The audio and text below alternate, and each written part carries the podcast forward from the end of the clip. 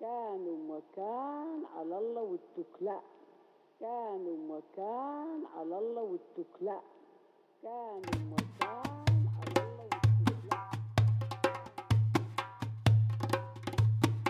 Carol Isaacs, welcome to Oslo, to Norway, to the Norwegian Jew Pod, the Akk Oy Vey Jew Pod. Tusen takk. You're welcome. Do you know why it's called Akk Oy Vey? Can you mm. understand that? Oive, I know a little bit of Yiddish, but what is the one before? Well, in Norwegian we say Ak Ove, which is kind of Oi Vei. Hey. So I called it Akk Oy Vey. Very good. So the, the pre word would be kind of Norwegian. So the reason why you are here is because actually yesterday you participated in the Jewish Cultural Festival in Trondheim. And today you visited the Jewish Museum in Oslo. Yes. Doing kind. what? Doing what?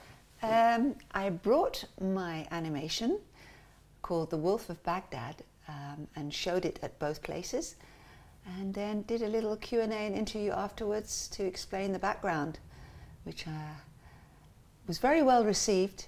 Um, people were very kind. They came and they watched and they listened and it was a very good experience. So thank you, Norway.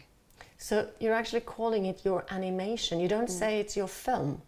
It's not quite an animation, it's not quite a film. Uh, the bit of background I, I'm a cartoonist, I'm a musician. As a cartoonist, uh, I did a graphic memoir, a book of my, about my family, uh, because we are from Iraq, we are Jewish, but we're from Iraq. And I called it The Wolf of Baghdad. And when I was doing it, I thought I should make this into an animation. So I did it using my computer software, but it's not quite an animation. It's so a cross. It's something called. I have found this out now. It's a new genre called a motion comic, which is a cross between traditional animation and print comic books. So on the screen, you see the story unfold panel by panel, page by page, with a bit of animation in between. It's not CGI. It's not Disney. It's quite static, but you see the story unfold before your eyes. And because it's wordless, there's no dialogue. You use music, you mm-hmm. have pictures, and every picture is quite static, as you say, but there are actually some movements. There's a airplane, which is moving, mm-hmm. and there's another thing. I don't remember right now what it was. There is another. Um, there's little subtle movements. You're re- it's like you're reading a comic book that's coming to life. It's something called a motion comic, which is apparently a new genre, which is a cross between traditional animation and print comic books. Right. So, in essence, you're reading a comic book on the screen. But you have actually published both a book and a film. Correct, yes. And what came first? The book came first. I drew it um, as a cartoonist. I have a secret life. I'm a musician in real life, and then in my secret life, I'm a cartoonist called the Surreal McCoy, which is a very bad pun. I apologize. Yeah, you really have to explain that to me. What does it? wh- What is that? It's kind of an uh, It's a pun. Artist name, a pun. a pun. In America, there's something, when you say something is kosher, it's the real thing, you call it the real McCoy. It's something from way back involving whiskey barrels and somebody signing their name to prove that it's real whiskey and not fake, and he signed it McCoy or something. Okay. So where they say something is true, it's kosher, it's the real thing, it's the real McCoy. So I decided to call myself, in the spirit of bad punnery, the surreal McCoy, which has stuck with me now forever. But it's not a Jewish thing. No, it's uh, totally anonymous. I live in the social media under Surreal McCoy. People think I'm a man. How many emails have I had? Dear Mr. McCoy, we like your cartoon. I'm published in places like The New Yorker, who also thought I was a man until I showed up one day with my cartoons in my portfolio. and Private Eye and the Sunday Times. So I had this secret life when I'm not, even when I'm on the road as a musician, I would draw. I just had a passion for drawing and, and people liked them, so I thought I'd try and publish. So I was drawing single panel, funny cartoons Yeah. for the last 20 years. And then recently I thought, why don't I do something more long form and something more to do with my family? Because in the world, people associate being Jewish with being European, mm. with coming from Uh, Russia, Poland, speaking Yiddish, hmm. eating gefilte fish, and all of these things is not, are not true of my family. The Ashkenazi world. Exactly, it's the Ashkenazi world, which is a world, but there's also the world of the Jew from the Arab land, from Middle East, North Africa, and from Iran, hmm. of whom there were very many, almost a million. Right, the one Mesrachim. Mizrahim, which was up until recently a pejorative term in Israel. Mizrahim, Mizrahi means Oriental in Hebrew, as we mm, know, mm. and people Mizrahim, you know, they're peasants, they're Philistines. Yeah, wasn't a very positive word. No, not a pod, but it's being reclaimed. I'm happy to reclaim it. Although I'm happy to call myself a Babylonian Jew, because if you want to go back 2,600 years, that's what we were. Mm. We were from Babylon after we left Judea, after we left, uh, the, we were taken out of the kingdom of Israel by Nebuchadnezzar in 586 BC. A long time A ago. long time ago. So this is actually a very personal story for you, and it's also an ancient story. Correct. And um, I were there today and listened to you, and which w- what was quite uh, shocking to me was that prior to the Second World War, there were like 150,000 Jews in Iraq, in Ba- or in Baghdad alone. In Iraq, in, but in Baghdad, 30% of the population of Baghdad were Jewish. Isn't that just incredible? And how Yeah. many are there left today? Three. Three. I mean, not 3,000, but three. Three. One, two, three. three individuals who are elderly, who do not want to leave, who, after many in pleading from Israeli government and other uh, agencies, want to stay there and live their lives quietly behind closed doors. But are there no one else like living secretly? Nobody? We don't know. Possibly there may be people who are forced to convert. Yeah. It's possible. In Kurdistan, there apparently there are people like that. There are some Jewish people living still quietly, but um, not enough research has been done. I don't think on that. That's so crazy. That you also, what you told me or told the, the audience was that one million Jews used to live in the Middle East as the Mesrachim. Uh, and today. and North African as well, and, and- Iranian, yeah. Exactly. But those are Sephardic though. No? No, Sephardic is, this is, you see, for years I thought I was, no one told me I was Mizrahi, obviously because it's a bad word. For years I thought I was Sephardi, but Sephardi means from the southern Spain. Mediterranean, Portugal, Greece, maybe Turkey. Yeah. Um, the Jews from North Africa are North African. They're not. But aren't not- quite a few of them also Sephardic? possibly originally, maybe they came, um, there was a lot of crossing the Mediterranean. Right. But they have their own identity. The Jews of Morocco, Tunisia, Yeah. Egypt, especially Algeria. But the interesting thing, though, is that one million Jews in the Arabic region are now 4,000. Yeah, something like this, some small amount. They were ethnically cleansed, for what- want of a better word. We didn't suffer like the European Jews in the Holocaust, No. uh, a wiping out of people. It was more uh, a slow erasure.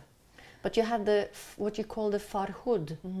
Can you tell me a little bit about that? So in Iraq, in uh, the late 20s and the nine, through the 1930s, there was a, um, a unification of the uh, Iraqi parliament with the German, with Hitler and the Third Reich, became very close.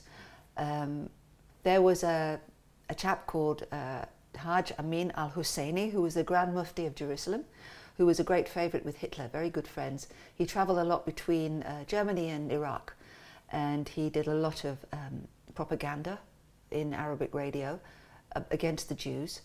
Um, for example, Mein Kampf was published in in Iraq in the newspapers, uh, published uh, translated into Arabic, very popular. So was a steady drip drip of anti-Semitism throughout the 1930s that eventually culminated in, in harassment, in murders, in interrogations, in imprisonment, uh, lots of strictures of what the Jews couldn't couldn't do anymore. Suddenly their lives were much more narrow in focus. And then in 1941, uh, there was a military coup, and over two days, um, there was no part, there was no governance, nothing, and the mobs ran riot, basically, and they were encouraged to kill Jews, slaughter Jews, ransack their homes and businesses. And for the Jews of Iraq, this was really the last straw. It was two days of hell. To this day, we don't know exactly how many died. The official number is a couple of hundred, but we think there were many more. Um, they realized their time in Iraq was kind of coming to an end. and this was 1941. 41, yeah, the Farhud. Uh, the word Farhud means, uh, in Arabic, it means pogrom. Mm. So it was our Kristallnacht, uh, as it were. But it had repercussions because throughout the 40s, there was a gradual realization, as I said, that there was no time to be, this was not a time to be Jewish in Iraq anymore, after all thousands of years of. of But quite a few stayed until the 1970s. there were pockets of time when um, a certain government or a certain prime minister would allow Jews to escape or to leave. Um, in 50 51, they were allowed to leave provided they paid, I don't know how many dinar, and they left all their belongings. I mean, they couldn't take anything out with them, And, basically. and when did your family leave then? uh, between the, four, the late 40s and the uh, and my grandmother was the last one to come out in 63 she managed to escape but some stayed on till 71 when a lot of them escaped they went they were either smuggled out across the uh, Kurdish border into Iran or left in other ways there was a big airlift in 1950-51 from Israel that airlifted tens of thousands of Jews straight to Israel I think 100,000 went to Israel in one year and you imagine uh, some of my family went and they lived in Ma'abarot, in these rough tent camps in the desert until houses could be built for them, homes. So many spent many years living in terrible conditions. But that kind of anti Semitic behavior that you found in Baghdad in Iraq in 1941, did that resemble to anything that had happened in the region before? I mean, we all know about the Purim, you know, which is, you know, the, the, the Jewish celebration of the, the, the freeing of the Jews of the Babylon. But then we're talking about like some thousand years ago. So Yeah. in between, w- w- what was the situation actually like in Iraq? It was up and down for minorities. Um, at some point, they were in ascendance, the Jews, and then, and then some point they, they were wiped out by the Mongols. Um, they came to great prominence. Uh, Iraq was the center, as we know, of, of religious and philosophical thinking in the middle, medieval times, the Middle Ages. And then when the uh, Ottoman Empire came, they had a certain status. Now, they call it dhimmi. It's an Arabic word, um, and essentially it's second-class state citizenship. They were never equal to the Muslims. They had to do things. They could not uh, ride a horse because then they would be above a Muslim. They could not build houses higher than the Muslims. So they had certain, but they lived well. They were free to practice their religion. You said also they were part of the parliament or the, working in the government Yes. prior to, to the Second World War. That's right. In 1917, when the British came and there was a British mandate, um, the British looked to the Iraqis to work with, and the most well educated were the Jews of Iraq. They had access to great teachers, and um, for example, my father, who was born in the early part of the century, he was a whole generation older than my mother. He spoke eight languages, and at 13, 14, he was running errands for the British because he spoke English. And the, the average Iraqi in the street could only probably speak Arabic.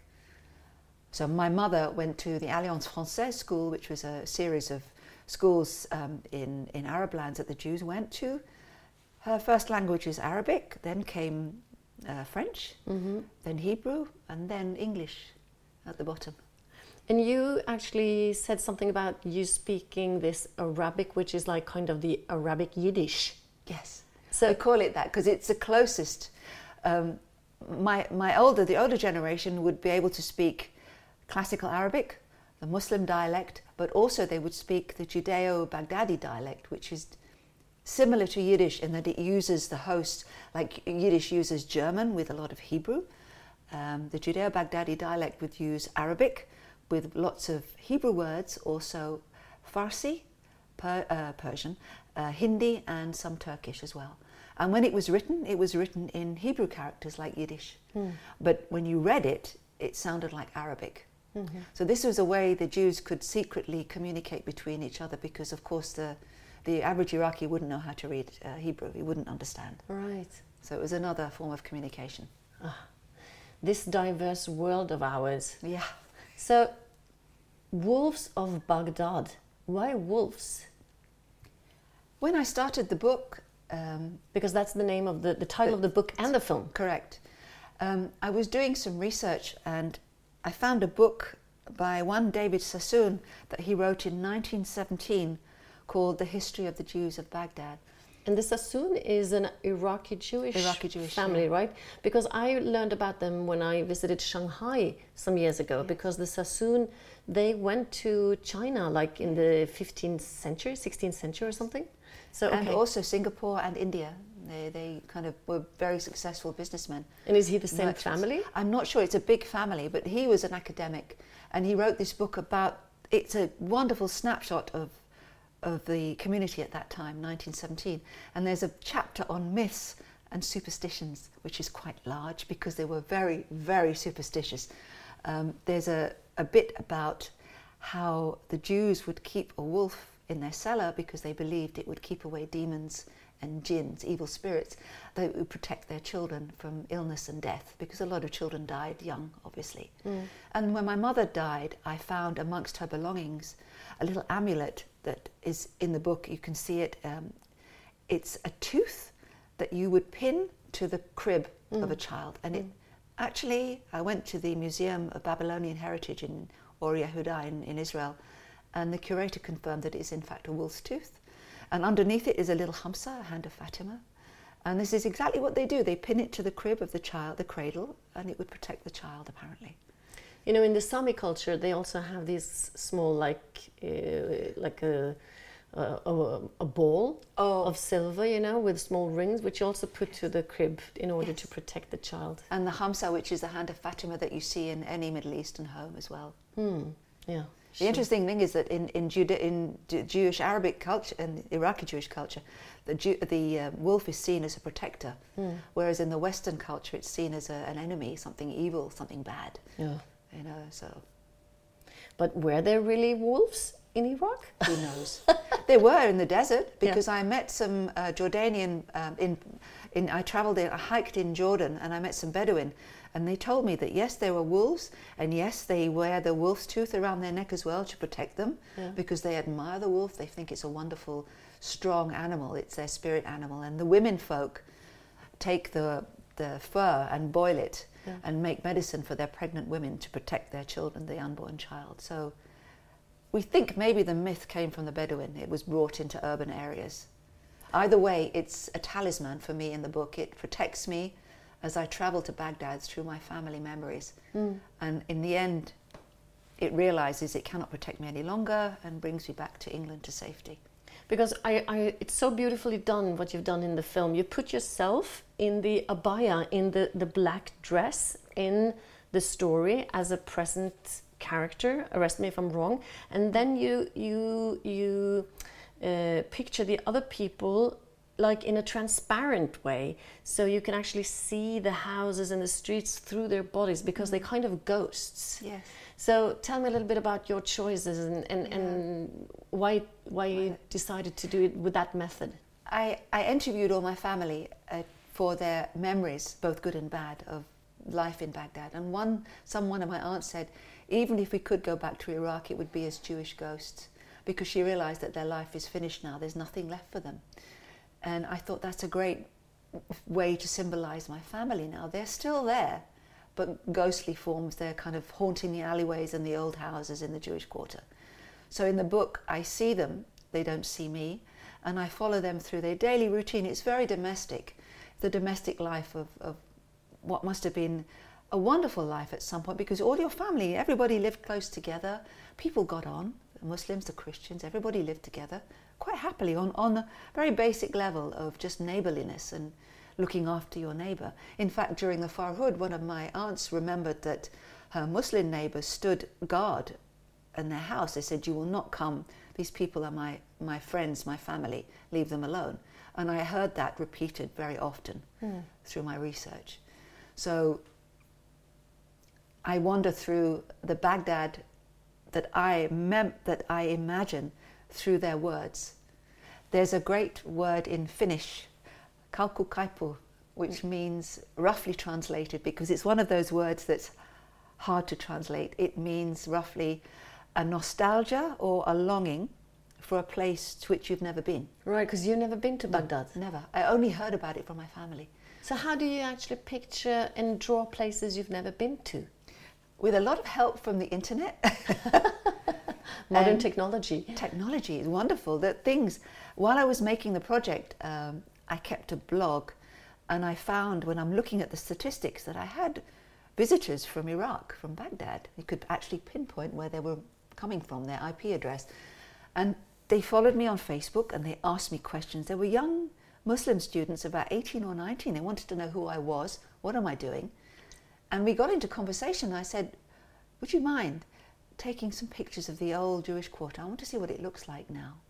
And they sent me these pictures, and it's all run down. Everything is crumbling, falling down. It's such a shame. They're beautiful architecture of Jewish homes, very so special. the Iraqi Baghdadi people haven't moved into the Jewish houses?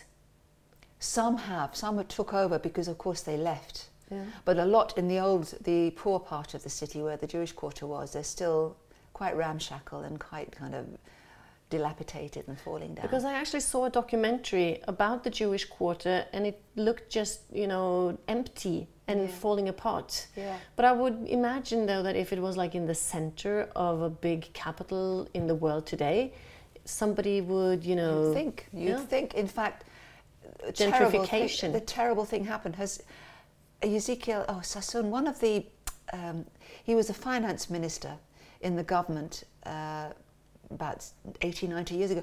They just tore down his house to build a shopping mall or something ridiculous. They, they don't care. The government, they just want to build and they, they don't know what kind of gems they have in their hands if they could restore these homes and make peace, the tourist industry would be hugely profitable because I would go in a heartbeat. I know so many others who would go. I mean, we're talking Iraq, all the cradle of civilization. How many people would go, just history buffs would go to see the old houses, to see the shrines, to see the places where, you know, where Abraham was born, or, you know, uh, But is there actually any tourism going to Iraq? No, there- it's a mess. Iraq has suffered terribly after the, the war, the Gulf War, the two wars. They just didn't seem to catch a break, and now there's more fighting. Shia, Sunni, Iran. It's terrible what's going on. So It's people don't go to Baghdad to visit. I heard some people have gone secretly, some Jews. A friend of my mother's actually went and bought a house in Erbil, in Iraqi Kurdistan, Right. just to make a statement um, that he wants his children to be able to visit one day.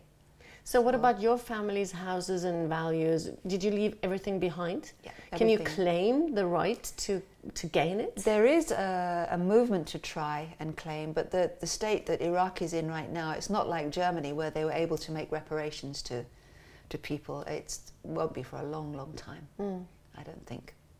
The infrastructure is just not there.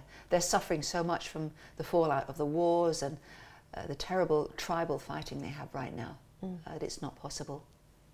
Actually, in the film, you mentioned something which made me very curious, and I don't know if you know anything more than you said in the film, but you said you had like this uh, grand aunt or the, the old aunt that was kidnapped once by a sheikh, and nobody really knew what happened to her.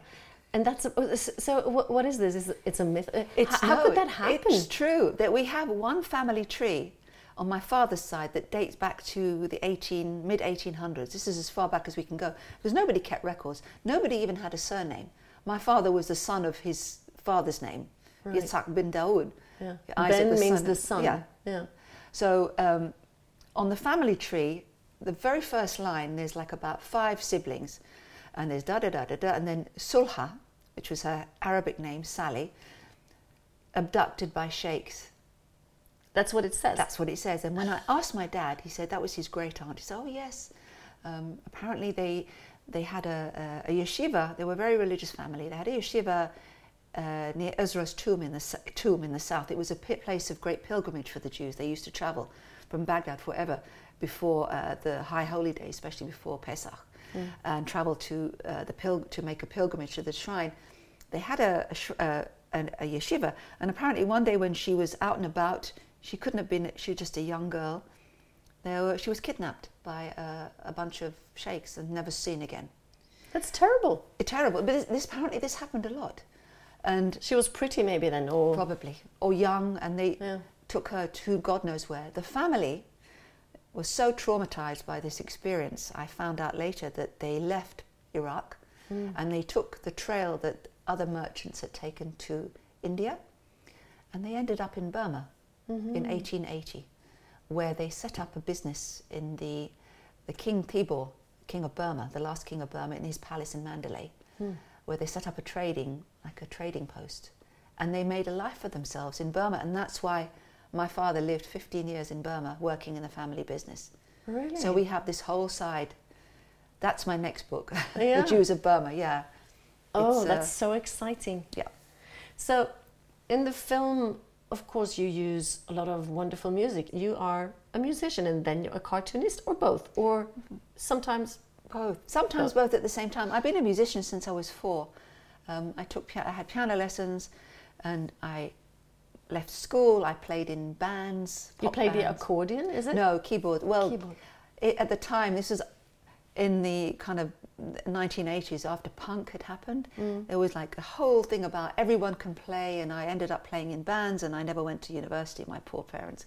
So I kind of enrolled in the University of Life, and I became a, what we call a freelance musician. I played with many different people. Right. Sinead O'Connor is one. Right, Indigo wow. Girls. She just passed away. I know, very very sad. Yeah.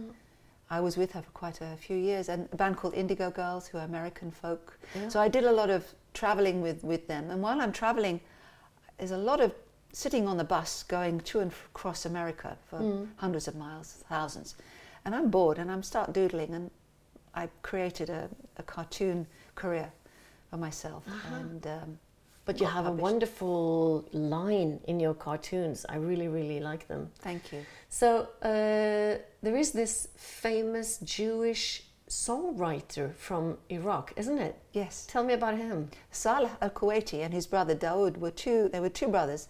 They um, were very important Jewish composers in the 1930s. They were both in the Iraqi National Radio Orchestra, who were comprised of mostly. There was one non-Jewish musician, the uh, percussionist, and the story goes that one of the prime ministers turned on because they, they broadcast every night. Everybody listened to them. They were hugely popular.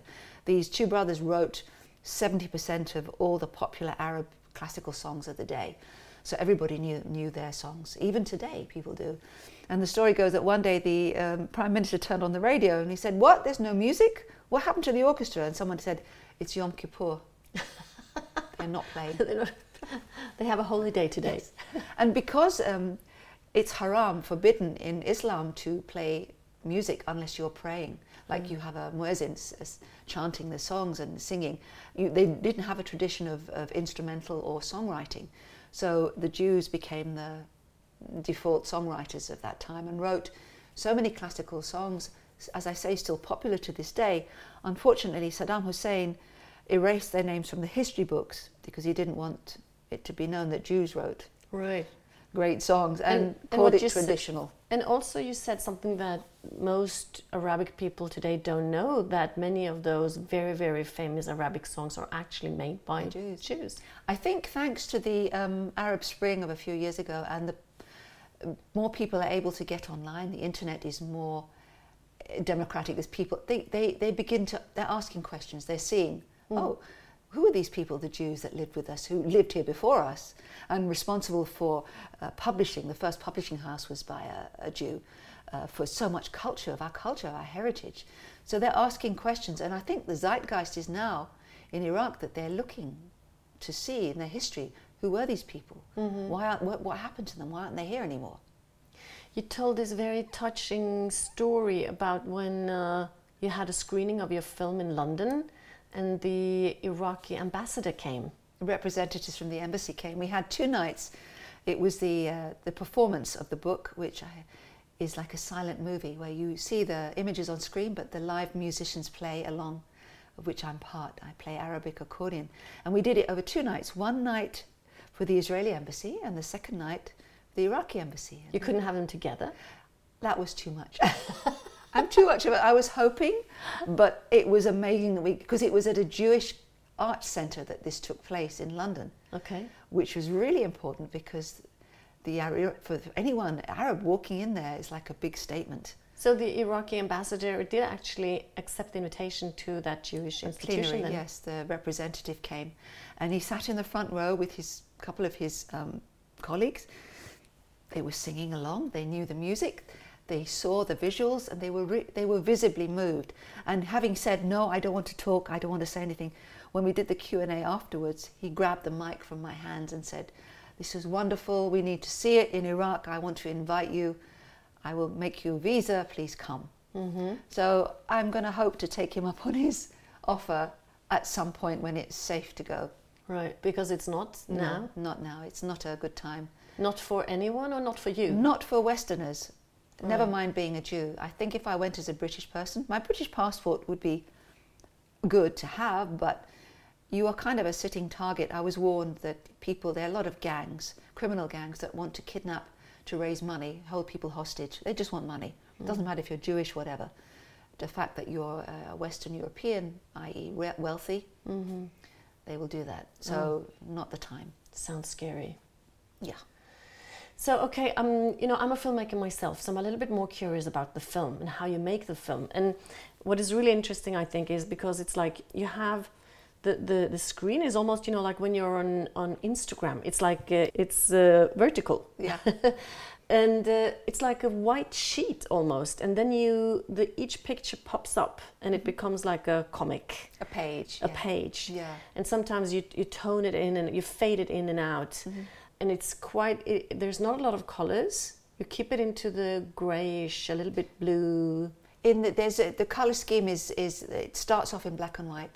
It goes into like a, a darker blue twilight when i go to baghdad and then it bursts into this vibrant color when i'm walking around the markets and seeing life. And then it gradually gets darker as the story goes and then it comes back into black and white when i come back to the uk to england and why does the you character the, the, the, the i character in the film have to have the abaya because it's a way of blending in as my my matriarchal all the, the my mother my grandmother her great my great grandmother all the women folk did this is what they, They did They did? they did they wore my grandmother god bless her brought the abaya when she came from from uh, Baghdad, she, she brought one suitcase and she had her abaya with her.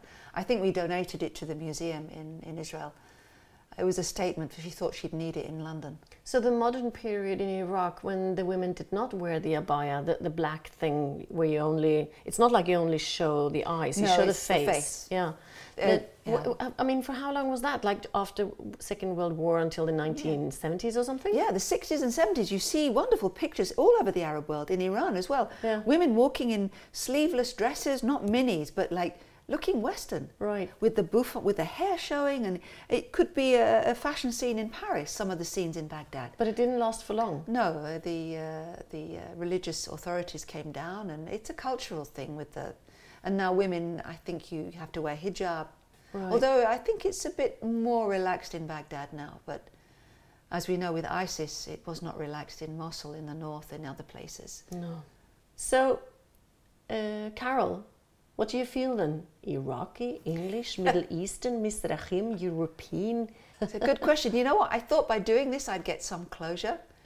Spoiler alert, no closure. No, no, no. You're I'm just gone of- investigating further. yeah. Soon I you're going to be even uh, belonging to other Asian countries. My father apparently became Burmese when he was living in Burma. Right, So who knows?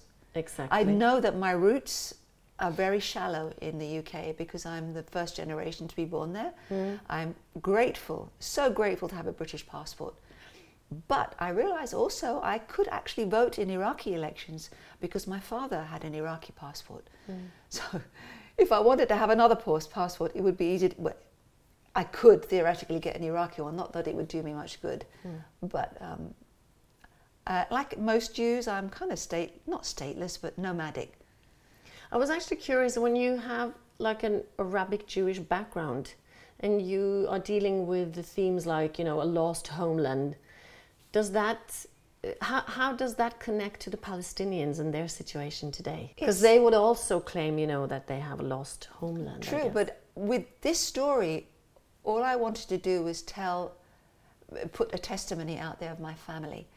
And to be honest, I haven't had that discussion with people. It's been more taken as presented that it's just one family story that kind of gives a bigger picture of what the community went through. Mm-hmm. And it sheds more light on what's going on between the Israelis and the Palestinians that more than 50% of the population of Israel now is from Mizrahi hmm. heritage. Hmm. That Jews we are from the yeah indigenous. we're indigenous to that land. It's not like we're the colonial European and the Jews from Russia and they can probably trace themselves back to that as well. We're not interlopers in any way. My, a lot of the Jews of Iraq would have said they weren't Zionists. I mean, they, they believed in Israel as a homeland, but they were mostly, they, this is their home. They'd lived longer in, probably in Iraq than they had anywhere else. This was their home. Hmm. The term Arab Jew has been politicized. That's a whole other podcast. I would say I'm not an Arab Jew. I'm a Jew from, I'm an Iraqi Jew. I'm a Jew from, I'm a Babylonian Jew. Mm-hmm. I like that because it, it gives the, the and what kind is of the length. difference, the Arab Jew and the Babylonian Jew? Babylonian Jew goes back a couple of thousand years. Arab Jew, you wouldn't say Arab Muslim, you wouldn't say Arab Christian. People are very proud of their country. They would say, I'm an Egyptian Jew, I'm an Iraq, um, Egyptian Muslim, an Iraqi Muslim, I'm, I'm from Lebanon, I'm from Syria. Arab is not, and what about the, the Iranian, the Persian, uh, in Iran, they're not Arabs, they're Persians. Hmm. And the, the North Africans, they're not Arab, they're, they're North, uh, the, the Egyptians are very proud to be Egyptians, they're not Arabs, hmm. North Africans. So we did talk about, you know, the the Mizrahim, the Sephardim, the Ashkenazim, and then you also have this term called the Ashkenazi norm, which I have never heard before, and I thought it was so interesting. And I think I know exactly what you mean, but I would like you to tell me what what what do you mean when you use that that Okay, term? so the actual phrase, and I believe it come from an academic background because it's certainly not my vocabulary, Ashkenormative. And apparently what people like me and other Mizrahi Jews are doing is challenging the Ashkenormative. Ashkenormative, that's it. So Ashkenormative means what is taken for being Jewish in the world. What is, is people assume, and I've had this all my life, that because I'm Jewish, my family comes from Russia, from Poland, from Germany, from Czechoslovakia, and that I speak Yiddish at home, that we eat bagels and smoked salmon, that we eat uh, what's that the uh, the fish the fish thing Gefilte fish. gefilte fish, which is great. People do that, but not my culture. We eat rice. We speak Judeo-Arabic. We, we eat chili. We don't we don't have potatoes. We, we we it's a completely different thing. So and people didn't believe me, and they're like, what? The school I went to, of a thousand, a very posh British school, public school, um, a thousand students, thirty of whom were Jewish. I was the only non-European Jew. So I'm a minority within a minority already. Even the Ashkenazim don't really know much about our story. But did, did you feel that? I mean, did Yeah. people look down on you Yeah. or anything? Yeah, Oh, because you were not Ashkenazi. Yeah, I look different. I have curly hair. My skin is slightly browner. I say, you look like an Arab. You can't be Jewish, you know, that kind of attitude. Mm. And um, This is a big issue, though, in Israel. The conflict, especially because the whole country was built by the Ashkenazi Jews, Yes. and that's been an issue for since the beginning, since the actually. beginning, exactly. And the, the, the Jews from Arab lands, a million who went, the ones who went to landed in Israel, they suffered terrible discrimination because they were didn't look like the Europeans. They were not the, the, the ideal Jew. The, the, the Europeans thought they looked down on them because they spoke the language of the enemy. They spoke Arabic. Their culture was of Arab lands and uh, Iran and North Africa. So they were automatically treated as second class citizens. Right. It still pervades to this day, but I, there's a great thing. Um, we talked about um, the Jewish composer of the 1930s. His grandson is a chap called Dudu Tassa, who's in his 40s. He lives in Israel. He's a big rock star. I mean, he's huge. In the last 10, 15 years, he's been rediscovering his grandfather's music. And he has done this wonderful uh, record of updating with a, a rock feel with guitars and drums, and it's hugely popular. Suddenly, Mizrahi music is cool. Mm-hmm. Who knew? Mm-hmm. So there's like a resurgence of it's not looked down upon anymore. Yeah. It's like, okay, this is kind of cool. Yeah. Who are these people, you know? That is cool, though. Yeah. And music is always the way to grab people. Yeah. What are your new projects? What are you? You said something. You're going to do something with your your father's history and the family. So is that going to be a book? Yes, also Two? a graphic memoir. Yeah. Um, I only found out recently that one of my father's cousins, the Burmese side, because they were they considered themselves Burmese. They still were religious. They had a synagogue in Mandalay and one in Rangoon as well.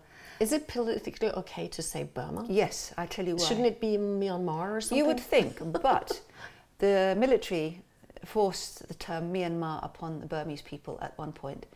They didn't ask, they just forced it upon them, and a lot of people objected to that. even though Myanmar is like a, a Burmese term. Um, so it was something that was forced upon them by a government they didn't ask for. So you can say both. Okay. Uh, but in this context, I say Burma because it was Burma when my father was there Right. um, in the 1930s. And he went as a young boy because, as I say, the, the family had a thriving ice factory. They made uh, soda water and ice for the uh, British Army and the British uh, people living out there, and also the anyone who wanted it. And uh, Not ice cream, but ice. ice, no ice, because it was Like ice in the gin and tonic. Yeah, Yeah. because all everybody drank gin and tonic out there, right? Yeah. And they lived there very happily for 150 years or so. And I found out recently one of my father's cousins was a accordion player. Hmm. He had an accordion. There's a picture of him. And the story goes that he, when the Japanese invaded in 1942, many tens of thousands, hundred thousand people were made refugees. They fled. Because the Burmese Jews were working with the British, they were considered the enemy. So they Hmm. All left their belongings. Not because they were Jewish, though, or or Possibly, that too. but they were more worried because they were seen. They weren't seen as they were seen as working with the enemy. With the Allies. Yeah. So they left, and the family left their wonderful home, their palatial surroundings, their factory, and they. This one man, Maurice Saul, God bless him, my hero. He took his accordion, which weighed about 11, 12 kilograms. That's all he took, a mm-hmm. change of clothes, and walked to India across the, the jungles and the mountains. And I thought, what a great story. I want to do that. So before lockdown, my partner and I, who's a photographer, we went and we had a. Um, he'd done a short story about his life. He'd given it to his daughter, who gave it to me. So I knew how to plot the, the trajectory of his journey from Mandalay to the border. And we followed his footsteps. I took my accordion. I carried it on my back like he carried it. We went through all the little villages he went through. We went on the boat, we went on the bus, we saw an ox cart he took, even though we didn't ride it. And I journaled, I made a journal of our travels in parallel with his travel. wow. And it's a snapshot of, of 1940s Burma with modern day Burma, Myanmar. And I cannot tell you how kind the people were. They must have thought I was an alien. I was walking around temples, these beautiful places with my accordion on my back. I walked into villages. I sat in a market. I played for them. I played them some klezmer. I played them some Irish folk tunes. I played them even a, a, an Iraqi tune wow. and And had the most amazing reception. And my partner documented this all, and it's like a travel journal, a travelogue uh, about Myanmar now and Myanmar then, as seen through my eyes and my cousin's eyes. So when will we be able to read, see this? As soon as a publisher accepts it for publishing, I'm having it. I'm sending it out to people. I hope that there will be interest. But will it be a film too? Probably not. Uh, We did do. I made a short three-minute film uh, with some music of the the pictures and some of the drawings, just to give a flavour. Yeah. Um, so yeah, I don't know. We'll see. You said also something about that you learn people how to read graphic novels. Yes. So uh, is that something you need to learn? It, it's interesting. The, the, my book, The Wolf of Baghdad, has now been put on the curriculum of a very large, the largest Jewish high school in Canada, in Toronto, for uh, 16, 17 year olds. And the, a, comic, a Jewish comic scholar came to me with the idea that we should make an educator's guide for teachers who want to teach graphic novels as a hi- tool for history or for Jewish studies. And because they don't know this story so well, we also put into the teacher's guide a bit about the background of the Jews of Iraq as well, so they can teach history if they want to teach it as a history curriculum or as a Jewish studies. So it's a free resource available on my um, on my publisher's website. Anyone can download it for free. Book clubs, if you want to, because some children children are more adept at reading.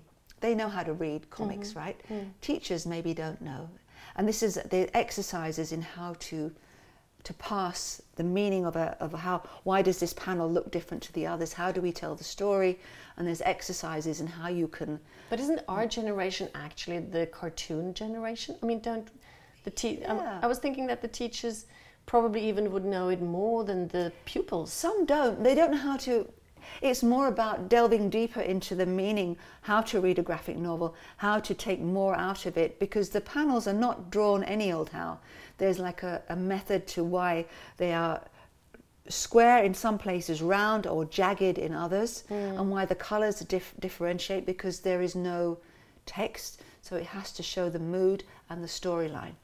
People who listen to us now, where can they see your film, Wolves of Baghdad?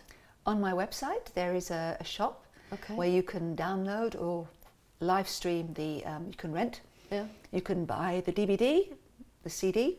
I'll put the link in the information to the pod. Thank you. I believe there's a bookstore in Oslo, Mm-hmm. Tronsmo, Mm-hmm. Tronsmo. Tronsmo, Yeah.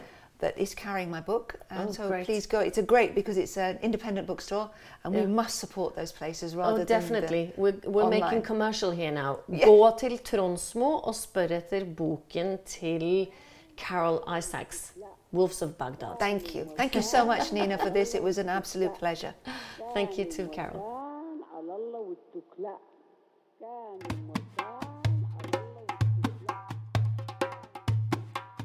Takk for at du lytter til AKIV Jødepodden. Om du liker denne podkasten, kan du trykke 'abonner' i din foretrukne spiller.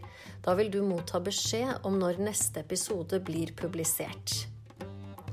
Dersom du har spørsmål til AKV Jødepodden eller vil bidra med innspill og ideer, send gjerne en mail til post at jodepodden.no. AKV Jødepodden er støttet av stiftelsen Fritt Ord. Melodien du hører, er Carol Isaacs 'Mukadima Hiyas'.